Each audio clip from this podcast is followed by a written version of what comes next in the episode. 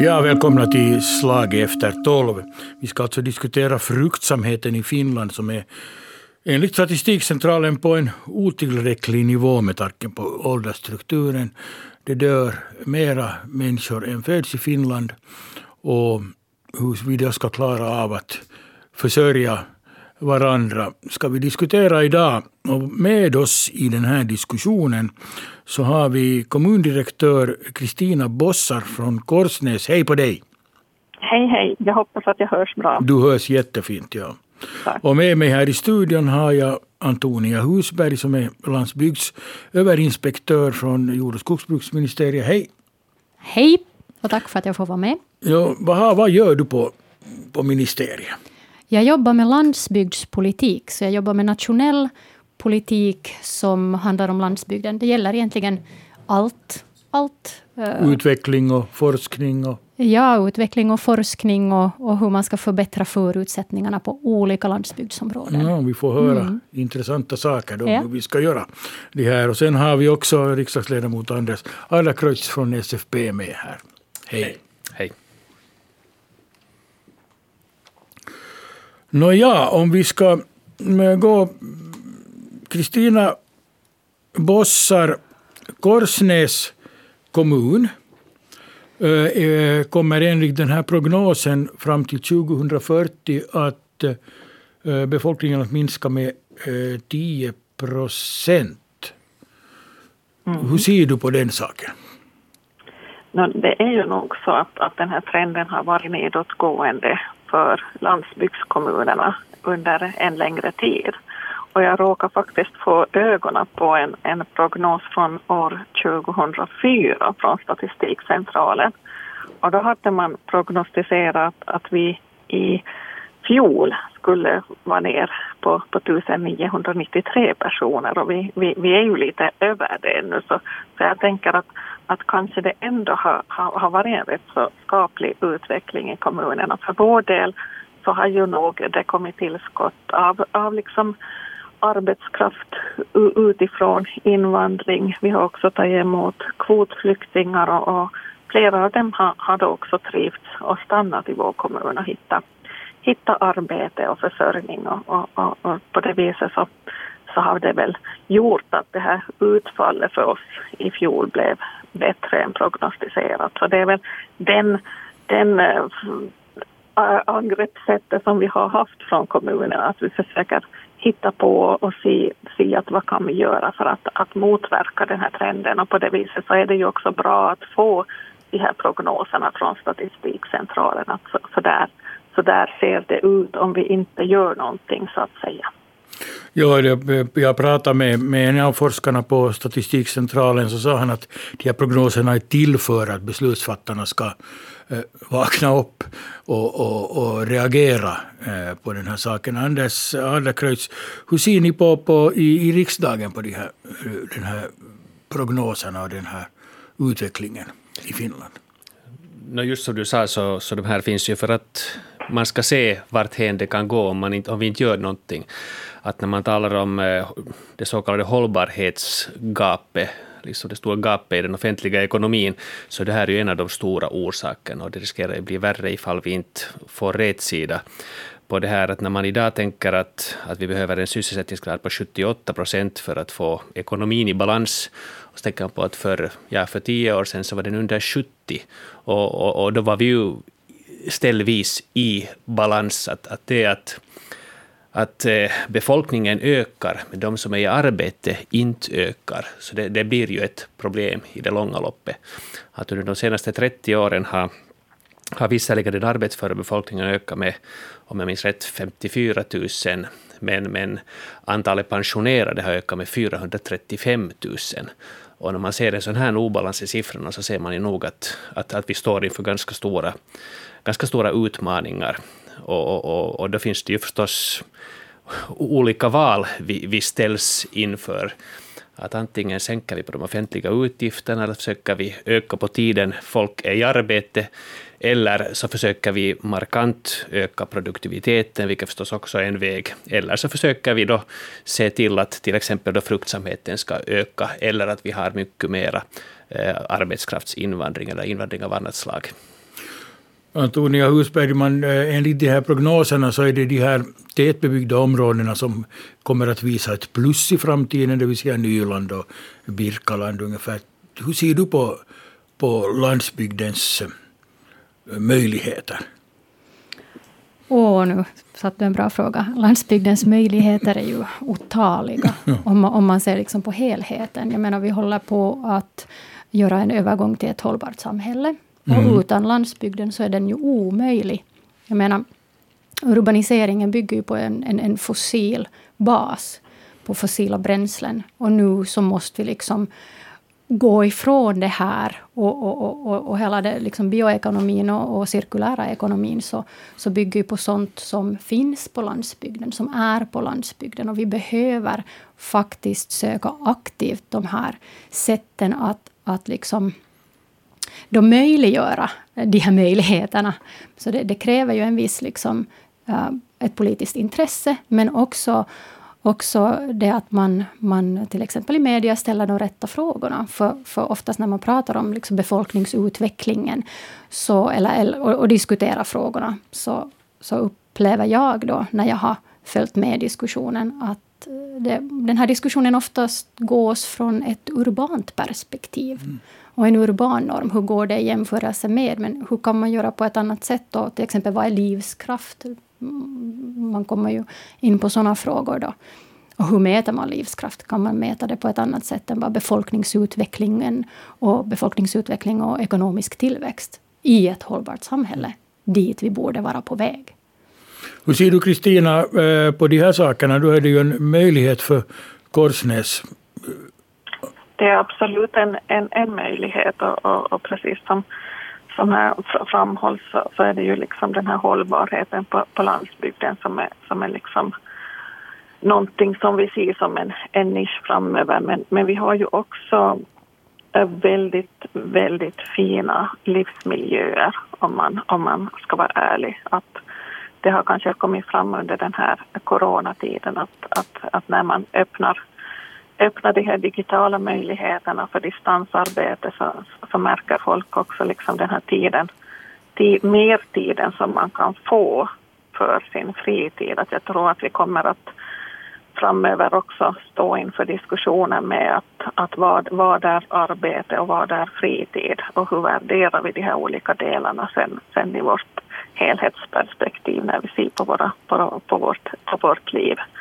vi har ju här försökt och vi har också sett att, att väldigt många har, har ansökt om att få, eller må, många för vårt perspektiv, alltså då vi pratar om, om kanske 5 till 10 bygglov, undantagslov som vi har gjort, att, att folk har kunnat äh, ansöka om att ändra om sina sommarstugor till året runt boende och då bosätta sig så att säga på, på sommarstugorna. Och det är ju klart att, att det är ju helt annat om vi får en in folk som, som våra egna kommuninvånare och, och vi får då både statsandelar och skatter för den jämfört med om man får, får liksom fastighetsskatt, några hundra, hundra lappar är ju det då kanske per fastighet. Så, så vi pratar ju om, om, om helt andra, andra summor i kommunalekonomin. Men det som vi kanske har märkt på, på landsbygden är ju att, att de här traditionella näringarna som har utgjort ett, ett starkt ben i, i kommunerna på, på, på landsbygden med, med nöt och köttboskap och, och, och det här traditionellt jordbruk. Så den där lön, lönsamheten börjar vara så dålig så att, att det räcker liksom inte, inte till att försörja sig själv längre. Och det, det, det är jag allvarligt oroad för, den, den utvecklingen. Precis, du att äh, arbete i, i, eh, på landsbygden i framtiden kommer att vara så kallat distansarbete, att man, man, man, man bor på landsbygden men eh, hur ska vi nu säga, jobbet är någon annanstans fast man jobbar hemifrån. Jag tror att man kommer att se en arbetsmarknad som är mer flexibel mm. just med det här. I, i takt med att, att konkurrensen om arbetskraften blir, blir större och större så, så betyder det att, att man själv kanske har mer möjligheter att, att välja att, att okej, okay, jag, jag, kan ta det här arbetet men det, då förutsätter jag att jag får jobba tre dagar i veckan hemifrån och så, och så kommer jag in till kontoret två dagar. Men, men det, det hjälper ju inte för de, de, alla de sektorer där, där det faktiskt förutsätts händer i arbetet så att säga. Nej, men det måste ju finnas de arbetsplatserna också förstås. Ja. Mm. Hur ser du Anders Adlercreutz på det här med regionalpolitiken i Finland? Har vi glömt bort, har vi satsat för mycket på utveckling av de urbana områdena och glömt bort landsbygden? Eller? No, inte skulle jag riktigt vilja säga det, att nu har vi ändå haft ganska, eller ganska kraftig, kraftig regionalpolitik i Finland, men att eh, men jag tycker att helt som både Kristina och Antonia lyfte upp så, så, så kanske vi inte riktigt ser möjligheterna i landsbygden att, att, att, att det är på landsbygden som, som kolet binds i praktiken. Vi har ekonomiska modeller som liksom inte sätter tillräckligt värde på de, de här frågorna. Eh, det kan gott hända att man bor på två ställen, men betalar ändå bara skatteöre till det ena stället. Om man kunde allokera en del till, till den andra kommunen där man bor, det kunde ge en viss hjälp åt, åt, åt eh, glesbygden om man tänker på Finlands liksom konkurrensfördelar eller de finska primärnäringarnas konkurrensfördelar, till exempel så sånt här som liksom rent vatten, ren luft, eh, ren mat, det är någonting som är lite av bristvaror internationellt sett, men ändå hanterar vi det som det skulle vara en bulkvara, någonting som man säljer liksom till globala priser och, och, och, utan att ta hänsyn till, till, till, till sådana saker. Att på något sätt borde vi liksom lyckas få också kanske den ekonomiska modellen att se de här. Och sen tal, i det, det skedet talar man just förstås om eh, frågor som liksom hela, hela matproduktionens värdekedja, som idag liksom inte gagnar hen som producerar maten. Alltså, producenten får ju ett, ett skamligt lågt pris för sin produkt. Och så länge de här ekvationerna liksom inte fungerar på ett tillfredsställande, man kunde väl säga ett rättvist sätt, så, så, så är det ju svårt att, att, att att, att, att ändra, situa ändra situationen. Vi borde alltså betala mera för vår mat? No, jag, jag upplever att, att vi borde se att, att, att primärproducenter borde få en större andel av maten. Nu har vi, I synnerhet i Finland har vi hemskt många steg här där på, i, i värdekedjan där, där många andra parter får, får en del som jag upplever att, att många, många tycker att kanske inte riktigt är rätt och, och rättvis. Mm. Antonia Husberg, om jobben finns i de urbana områdena, hur ska vi då få landsbygden att leva? Men det här är ju också en sån myt som jag vill spräcka. Och, och, också det jag skulle vilja ta in nu i den här diskussionen, mm. det att det 30 procent av Finlands företag är på landsbygdsområden. Alltså vi pratar om annat än också eh, primärproduktion. Vi, vi pratar om fruktansvärt mångfacetterad företagsamhet som finns på landsbygden och möjligheter där. Och, och det där, och det finns liksom uh, regioner i Finland uh, som har jättemånga liksom öppna arbetsplatser för tillfället. Men, men till exempel nu när man har rapporterat om det här med, med studie, studielånet, utbildning. Ja, vi ska ta upp det och ja, prata om det. Ja. ja men men, men då, då tar man ju fram de här intervjua människor och, och, man kommer fram med de här gamla, gamla sanningarna om att det inte finns jobb på landsbygden. Man packar ihop landsbygden till ett område som är, som är liksom, uh, homogent. Medan det är liksom ett lapptäcke av olika platser, olika människor, olika företag. Men oftast, och, och också företag som är eller, uh, inom liksom den här eh, äh, liksom informationsekonomin, vad heter det, tietotalous mm. på finska. Men, men det syns ju inte i statistiken. Det, det, det jobbet som man gör och som är en del av den här, den, den här liksom digitala ekonomin, men som görs på landsbygden. Så den syns inte i statistiken för tillfället. Och här så tycker jag att vi borde liksom komma just ifrån de här urbana brillorna, ta, ta, ta av dem och faktiskt kolla närmare på vad, hurdana olika företag det finns, hur vi pratar om landsbygden. Pratar vi om landsbygden enkom som primärproduktion? Det är jätteviktigt, det är, det är grund. Men det finns så mycket mer. Kreativa uh, företag, uh, turism förstås, näring och så vidare. Och också det här med distans, alltså platsoberoende arbete eller platsneutralt arbete. Och under coronapandemin så var det ju ungefär 1,2 miljoner finländare som jobbar distans. Flera, flera, flera som, som jobbar från sina då, eh, fritidsbostäder. Men, men det att vi liksom säger att allt jobb finns i Helsingfors eller, på huvudstadsregi eller i huvudstadsregionen, så det stämmer ju inte. Och, och här är faktiskt någonting som um, hur vi pratar om landsbygden och hur vi pratar om vilka möjligheter det finns, det påverkar, alltså det allmänna sättet att prata om landsbygd påverkar också ungas syn på, på landsbygden. Men nu vill jag komma fram med. Jag, mm. jag tar in en helt ny, ny grej här. Och det är det att, att, när man ser på framtiden och framtidsmöjligheterna så är det jättebra att fråga 14-åringar. För, för de vet ungefär vad, vad som kommer. De, mm. deras värderingar har liksom en effekt på vad vi gör om 30 år. Och, och det där... Det pågår en sån här EU-finansierad jättestor ruralization-projekt. Och, och de har ju då intervjuat en massa ungdomar om deras framtidsvisioner, deras drömmar. Var vill de bo? Var vill de jobba? Vad är viktigt? Och, och mycket hänger ihop just med den här hållbarhetsövergången. Och det handlar om att uh, de vill inte ha en supergod inkomst, liksom en hög inkomst, utan en, en, en inkomst som man klarar sig på. De vill just ha mer fritid, det här som Kristina var inne på tidigare i diskussionen. Man vill, man vill liksom ha mer tid för sig själv, man vill ha ett gott liv, man vill vara nära naturen, man vill kunna göra olika saker. Man vill också bo på olika ställen och uppleva att man är del av ett större. Och, och det är jättemånga av de här liksom, trenderna som faktiskt kopplas ihop ganska direkt med vad livet, vardagen, företagsamhet är på landsbygdsområden. Och, och, det, där, och, det här är någonting som vi ju borde prata om. Att, att, när vi pratar om de här liksom befolkningsprognoserna, så vi blir liksom fast i det som har varit. Vi blir fast i det, ja, mm. men nu. Men vi behöver ju de här visionerna också för att liksom faktiskt eh, kunna ta fasta i dem och göra så de här trenderna till någonting som blir vanligt, som blir norm. Och förstås, corona, eh, den där pandemin, var ju oerhört problematisk på många sätt och vis. Men äntligen så öppnades de här dörrarna, till exempel just det där platsoberoende arbetet som man har pratat om i årtionden. Och nu blev det liksom ett måste. Nu gick det att göra det. Nu ja. gick det att göra det.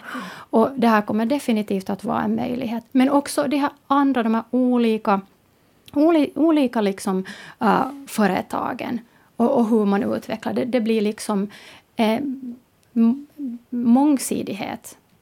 Så du ser alltså ett skifte här nu, att, det, att Absolut. då 14-åringarna blir fullvuxna så då, då, då tänker vi på ett annat sätt. Ja, ja alltså forskaren Tuomas Kuhmonen från, från Åbo universitet är framtids ähm, tulevaisuuden tutkimuskeskus, så han konstaterar här um, skulle det nog ha varit i vintras, att, att om man skulle utgå ifrån liksom de här resultaten så skulle glesbygdens befolkning öka markant om de skulle få bo, om ungdomarna skulle få bo och bygga sin framtid där de vill.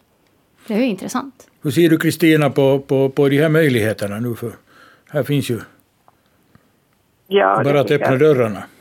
Precis, ja, öppna dörrar har vi alltid här i Korsnäs och vi brukar nog också marknadsföra som, som väldigt vänliga mot, mot, mot alla som kommer hit. Att vänlighet är ett, ett kännetecken för, för Korsnäs när, när man kommer hit. Och, och det här Anders, jag tycker det är intressant att, att lyfta fram det här perspektivet, just att, att lyfta bort de här urbana glasögonen och och det är roligt att, att höra Antonia lyfta fram de här framtidsutsikterna för att, att jag tror att, att det, finns, det finns nog ett befogat fundering kring, kring det här att, att vi kommer att se annorlunda på situationen framöver.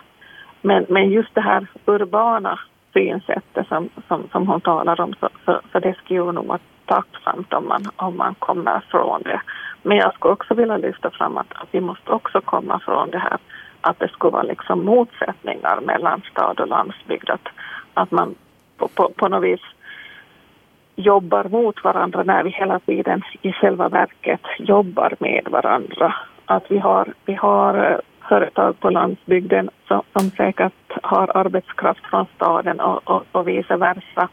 Ett urbant samhälle så, så är ju i princip väldigt, väldigt stelt och man är ju helt beroende egentligen av, av liksom, äh, mat och sånt utifrån. Att, att ett urbant samhälle som sådant så skulle inte klara sig väldigt länge utan transporter.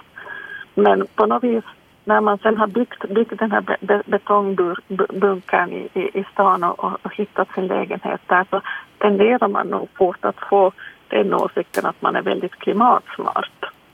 Ja, det sägs ju det att ju, ju högre och, och tätare det byggs så. Vi har ju, Anders är ju arkitekt så han känner till de här sakerna. Ja, fast man har lyckats utrota allting levande med, med betong och asfalt så, så, så, ska man vara det klimatsmartaste. Och det, och det är kanske också liksom de, de här mätarna, hur, hur mäter vi den här, den, den här klimatsmartheten? Att, att, att var, var, var är det egentligen som, som den finns? Så, så, så jag tycker vi behöver vara öppna för, för de här olika perspektiven där. Ja, Anders, vad, hur kommenterar du? No, jag tänker att, att nu finns det ju förstås annat än, annat än betong, betongbunkrar också, också i det där i, på våra tätorter, att man, man bor också där förstås på, på, på olika sätt. Men att, men att om det här med motsättningar, så, så det är förstås så att, att att, att vissa näringar fungerar på vissa ställen och andra på andra. Och, och i tätorten så idkar man andra näringar än, än, än ute på glesbygden. Och, och, och, samtidigt så tror jag att vi alla liksom ser att, att, att vi behöver båda. Att städerna klarar sig inte utan de varor som, som produceras utanför städerna, som vi sen då till exempel äter eller, eller gör, gör, gör något annat annat med. Så det här med att, med att inte bygga motsättningar, det tycker jag liksom är en, en absolut mm. självklarhet. Om man sen går tillbaka till det, till det ekonomiska så, så, det där, så, så är det ju absolut i, i de växande orternas intresse att, att, att, liksom att, det, att det finns en balans, att, att också övriga delar av landet är livskraftiga. Eh, idag har vi ju ett, ett system med, med inkomstöverföringar liksom via statsandelar eh, kommuner emellan och, och, och ifall inte glesbygden klarar sig, ifall, ifall man inte där kan idka sådana näringar som, som ger ett levebröd, så leder det ju bara till att de här inkomstöverföringarna ökar. Så därför är det nog liksom i en, i en Helsingforsbos intresse att, att, att man kan klara sig i Korsnäs eller någon annanstans att, eh, att liksom den nationella ekonomin, ifall det finns en, en obalans, så återspeglar det sig nog också ganska snabbt ner, ner på den individuella nivån, även om individen här, i det här fallet skulle bo till exempel i en betongbunker i Helsingfors. Mm.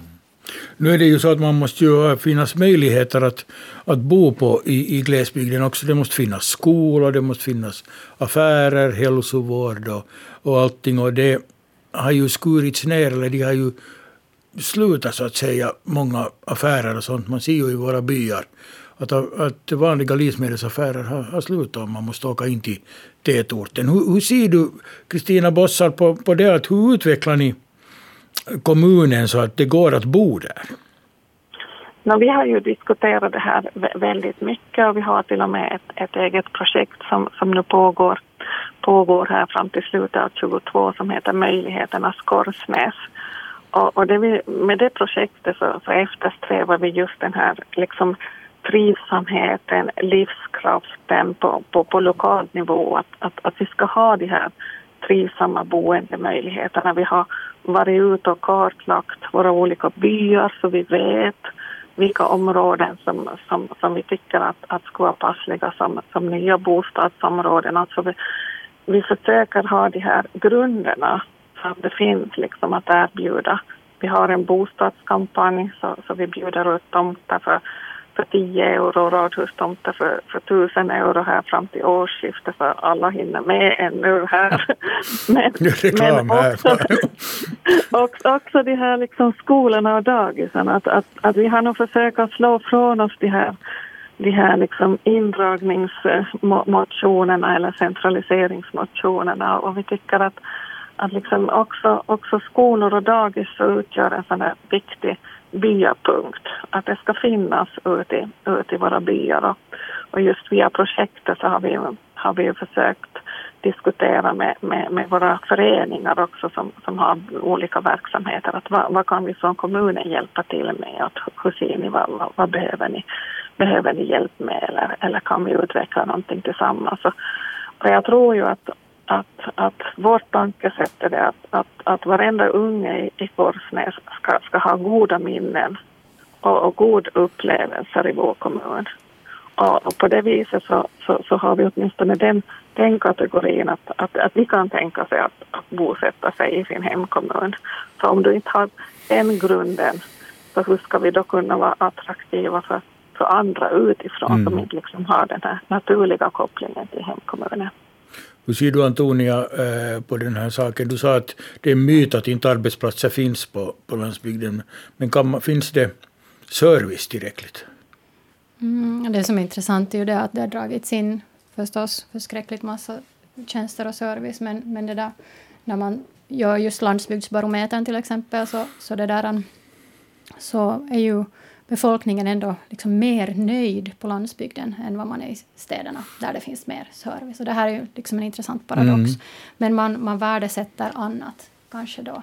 Men det, som, eh, alltså det, det finns vissa grundläggande saker, just det här med hurdana förutsättningar som det måste finnas för att möjligheterna ska vara likvärdiga runt om i landet. Och, och, och nu vissa aktuella saker som har varit aktuella väldigt länge. Så det där alltså är just vissa av de här som Kristina också nämnde Uh, och, och, det där anser, till exempel supersnabbt bredband är, är en grej. Skolorna, just mm. grundskolorna, uh, bybutikerna, multilokal uh, servicepunkter och så vidare. Och för tillfället så har vi ju faktiskt, faktiskt för tillfället om jag också får marknadsföra, så, så kan ju alla bybutiker söka nu ett stöd uh, eftersom de, de, de har ju förminskat i väldigt snabb takt. Men de är jätteviktiga för, för den uh, bofasta befolkningen, men också den liksom, eh, multilokala befolkningen, så att säga, de som bor det här delvis på landsbygden. Men, men det här med, med supersnabba bredbandsnät, och Svenskfinland ligger ju ganska bra till där. Men, men det oaktat, som man ser överlag på landet och landsbygden, så har vi ju i Finland de, de absolut största skillnaden på tillgången till supersnabbt bredband uh, mellan landsbygden och landet överlag. Alltså de största i Europa. Och det här är ju någonting som mm. vi måste åtgärda. Nu kommer det ju till pengar. Men, men, det där, men vi är långt ifrån där ännu. För att vi skulle kunna säga att vi alla, alla är delaktiga på ett likvärdigt sätt i det digitala samhälle som byggs upp. Nu har det pratats jättelänge om det där att vi ska... Det, absolut, det har, betal, det, jo, jo, det har talats jättelänge om det. Men, men, men, det där, men vi hoppas att... Det, den är ganska splittrad, liksom, den där helheten. Men, men jag tror att vi håller på att gå liksom bra framåt på den frågan i alla fall. Om man pratar, pratar mer om den, mer konstruktivt. Uh, men, men det och sen bybutikstödet, men sen skolorna, alltså grundskolorna. För tillfället så har vi forskning som påvisar att den sista uh, grundskolan på landsbygdsområdet som stängs ner 2032. Om vi inte gör någonting åt saken. Och, och, och skolorna Men då kan man inte bo på landsbygden. Precis, exakt. Och, och, och, då är det, vem är det som bor, eller vilka möjligheter har man? Får barn bo på landsbygden mera? Och det här är ju förstås också alltså en, en trend. Man ser tillbaka, hur ser trenden ut? Och okej, okay, där är framtidsutsikterna. Nu måste vi göra någonting åt saken. Nu har, har ju Landsbygdspolitiska rådet tillsammans med skärgårds politiska eh, skärgårdsdelegationen och Barnombudsmannen. Så, så vi utreder ju nu då vad, vad är implikationerna av de här nedstängningarna. Uh, för, för barnens liksom välmående och rättigheter, men också för regionens livskraft. Men, men, men det är liksom redan delvis liksom påvisat i olik, olik forskning att det har en, en, en stor betydelse för samhället och för livskraften. Om man bor kvar eller flyttar man bort. Mm. Tar man med sig sitt företag eller flyttar man bort? Blir man kvar eller inte? Kan man, kan man överlag liksom flytta till platsen? Men, men sen en sak som är också intressant, tycker jag, och som, som man bör liksom poängtera, det här med regionutvecklingen. stadspolitiken, skärgårdspolitiken, landsbygdspolitiken. Det är ju delar mm. i regionutvecklingen, regionpolitiken. Och där så, så har det blivit allt starkare det här just med platsbaserat perspektiv, platsbaserad politik, platsbaserad utveckling. Och det är ju det här som gör att vi kommer ifrån den här motsättningen. Om vi ser platserna, om vi ser de här olika platserna, om vi ser de olika förutsättningarna, om vi ser de olika behoven i de olika miljöerna, då kan man göra liksom en politik som svarar bättre mot de här behoven. Och, och då kommer vi då in då till exempel på det här, det här med, med uh, studie äh, Ja, jag tänkte att vi skulle, vi skulle säkert, ja. prata, prata om det och ni har kommit i riksdagen. Jag tänkte just ställa nu till, till Anders den frågan. Är det, är det riksdagen som går med skyggslappar på ögonen då inte ser platsen så att säga? Det är ju ni som borde fixa det här va? Eller är det så? Eh, No, vi, kan, alltså, vi kan fixa en del och i slutändan så är det förstås, liksom, det finns mycket få saker i, i Finland som inte sist och slutligen liksom, skulle vara, ligga på riksdagens ansvar och, och, mm. och, och landa, landa på vårt bord. Så visst kan vi liksom göra förutsättningarna eh, bättre eller, eller göra förutsättningarna sämre. Att, att här finns ju liksom, förstås liksom två diskussioner. Dels har vi liksom den här den här liksom demografiska utvecklingen som gäller hela landet och det som vi numera har diskuterat här nu de senaste minuterna, det här med, med, med landsbygdens eh, situation. Eh, så det finns man kan ju man kan liksom försöka liksom förbättra förutsättningarna liksom försöka liksom se på, se på alltså vilka saker är det som driver det att människor liksom väljer att bo någonstans eller tycker att de inte kan bo där.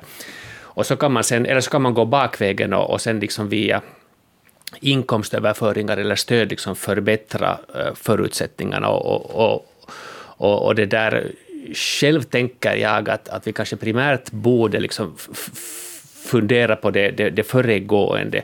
Att, eh, att hur skapar vi möjligheter att fungera? Hur liksom får vi den lokala ekonomin att, att, att, att, att fungera? Hur får vi, skapar vi sådana incitament som gör att man, att man kan bo där och, och bygga och skapa en näringsverksamhet? Och hur får man människor att öppna ögonen för de näringarna och deras, liksom, deras eh, riktiga värde?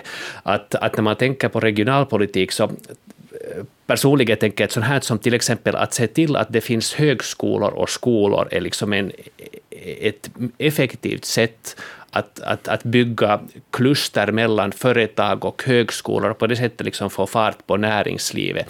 Att, att om högskolorna försvinner och skolorna försvinner, så då försvinner nog lätt mycket annat också. Men sen måste förstås de här undervisningsanstalterna kanske också liksom våga specialisera sig, utveckla spetskompetenser, så här som till exempel då Vilmarstrands tekniska högskola, eller, eller till exempel det energikluster man har byggt kring Vasa. Mm. Det är sånt här som liksom sprider ringar i samhället och stärker, stärker inte bara liksom de tätorterna, utan också samhället runt omkring. Sen tror jag kanske mindre på sånt här som att direkt gå in och stödja bybutiken med pengar, eller det, det, ge direkta subventioner, för då, liksom, det är en verksamhet som man sen får hålla på med i evighet och som, som svårligen sen skapar, skapar sådana strukturella förändringar som skulle skapa bestående livskraft. Men antagligen måste man, man måste försöka med båda de här. Men att det viktiga skulle ju vara att, att, att på något sätt svänga hela den här ekonomiska ekvationen i en sån riktning att, att, att det skulle skapa liksom bestående förutsättningar.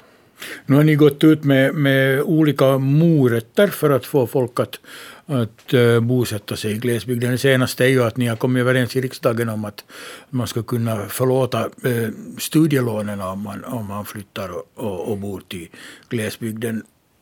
Är det här en, en sak som går att genomföra? Är det, är det inte orättvist för de som bor i stan?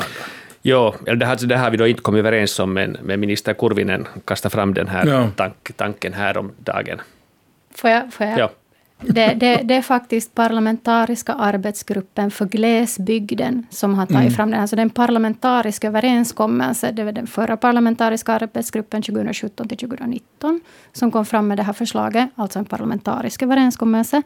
Den nuvarande parlamentariska arbetsgruppen för glesbygden gjorde då en utvärdering. Är det möjligt att enligt den här norska modellen liksom utföra det? Och nu behövs det då ytterligare utredningar före man kan liksom uh, gå vidare och, och stadga till exempel mm. en försökslag. Men det är alltså en parlamentarisk överenskommelse. Det är inte en, uh, ett parti som har kommit fram med det här. Det här är en parlamentarisk arbetsgrupp och ett förslag.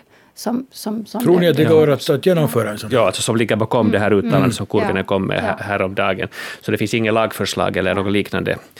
Eh, det här alltså jag, jag, förstår tanken bakom det här och jag tycker att det är liksom på, på många sätt en, en attraktiv tanke, men jag kan tänka mig att det finns liksom lagstiftningsproblem bakom det här. Man kan säkert kringgå, kringgå det på något sätt, och man har uppenbarligen kringgått, kringgått det i Norge.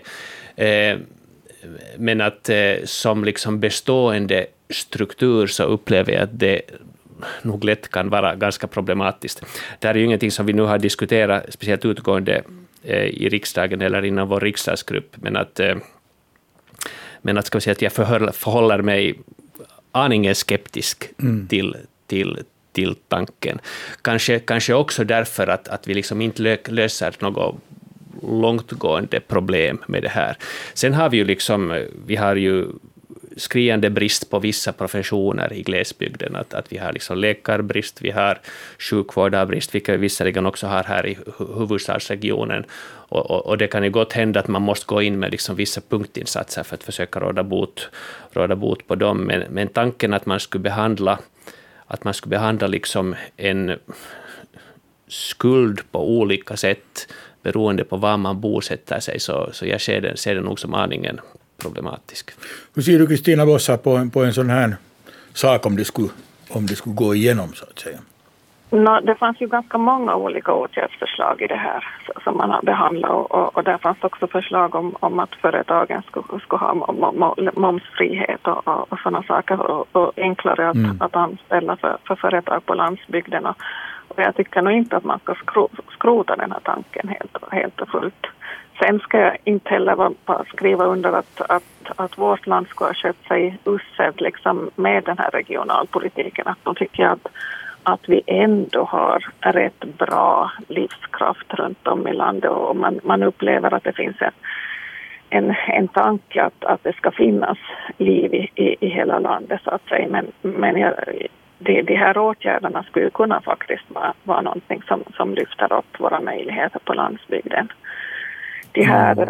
skolorna så, så, så, så tycker jag ju själv, jag har ju varit väldigt länge inom, inom kommunalförvaltningen och, och, och jag kommer ju ihåg att, att man har, har också slopat det här stödet för småskolor och efter det så, så blev det ju tyvärr väldigt mycket ekonomi som styrde skolornas vara eller inte vara.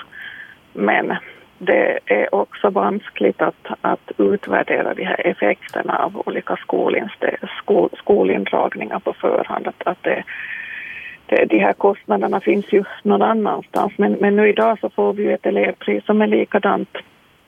Och, och, och det här det, det gör ju att, att man, man sitter, sitter ekonomichefer på olika håll och försöker räkna ut vad som ska vara mm. ekonomiskt mest lönbart. Men den här kvalitetssidan och den här livskraftssidan, det har vi ju inte några eurosa på. Nej, det går inte att sätta pris på det. Och, och det, det, är ju kanske ett sånt här tänkesätt som jag hoppas att, att liksom man också vi får, se, vi får se. Anders vill ändå kommentera. Ja, vi har talat här om företagsamhet på landsbygden. När man talar om liksom hur man kunde stödja, stödja då glesbygden och regionerna så, så är en sak som, som vi har kastat fram i diskussionen emellanåt är den här behovsprövningen av arbetskraft som är som är ett speciellt stort problem inom vissa näringar.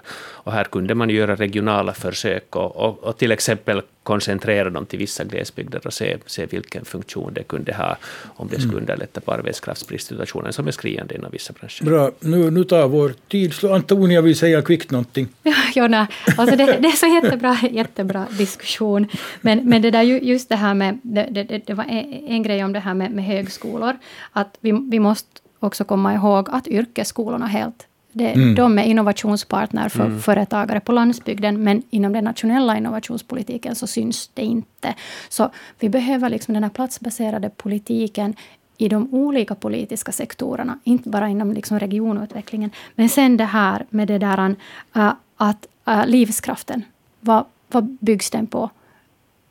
Där måste man också ta liksom just det här välmående och hur äh, människorna får vara delaktiga i hur man utvecklar liksom, samhällen också lokalsamhällen. Det tycker jag är jätteviktigt att poängtera nu här. Det är bra, då kan vi, vi kan avsluta med, med de orden. Det finns ju saker att diskutera här ännu för många slaget efter tolv. Och jag eh, tackar då Kristina Bossar från eh, Korsnäs.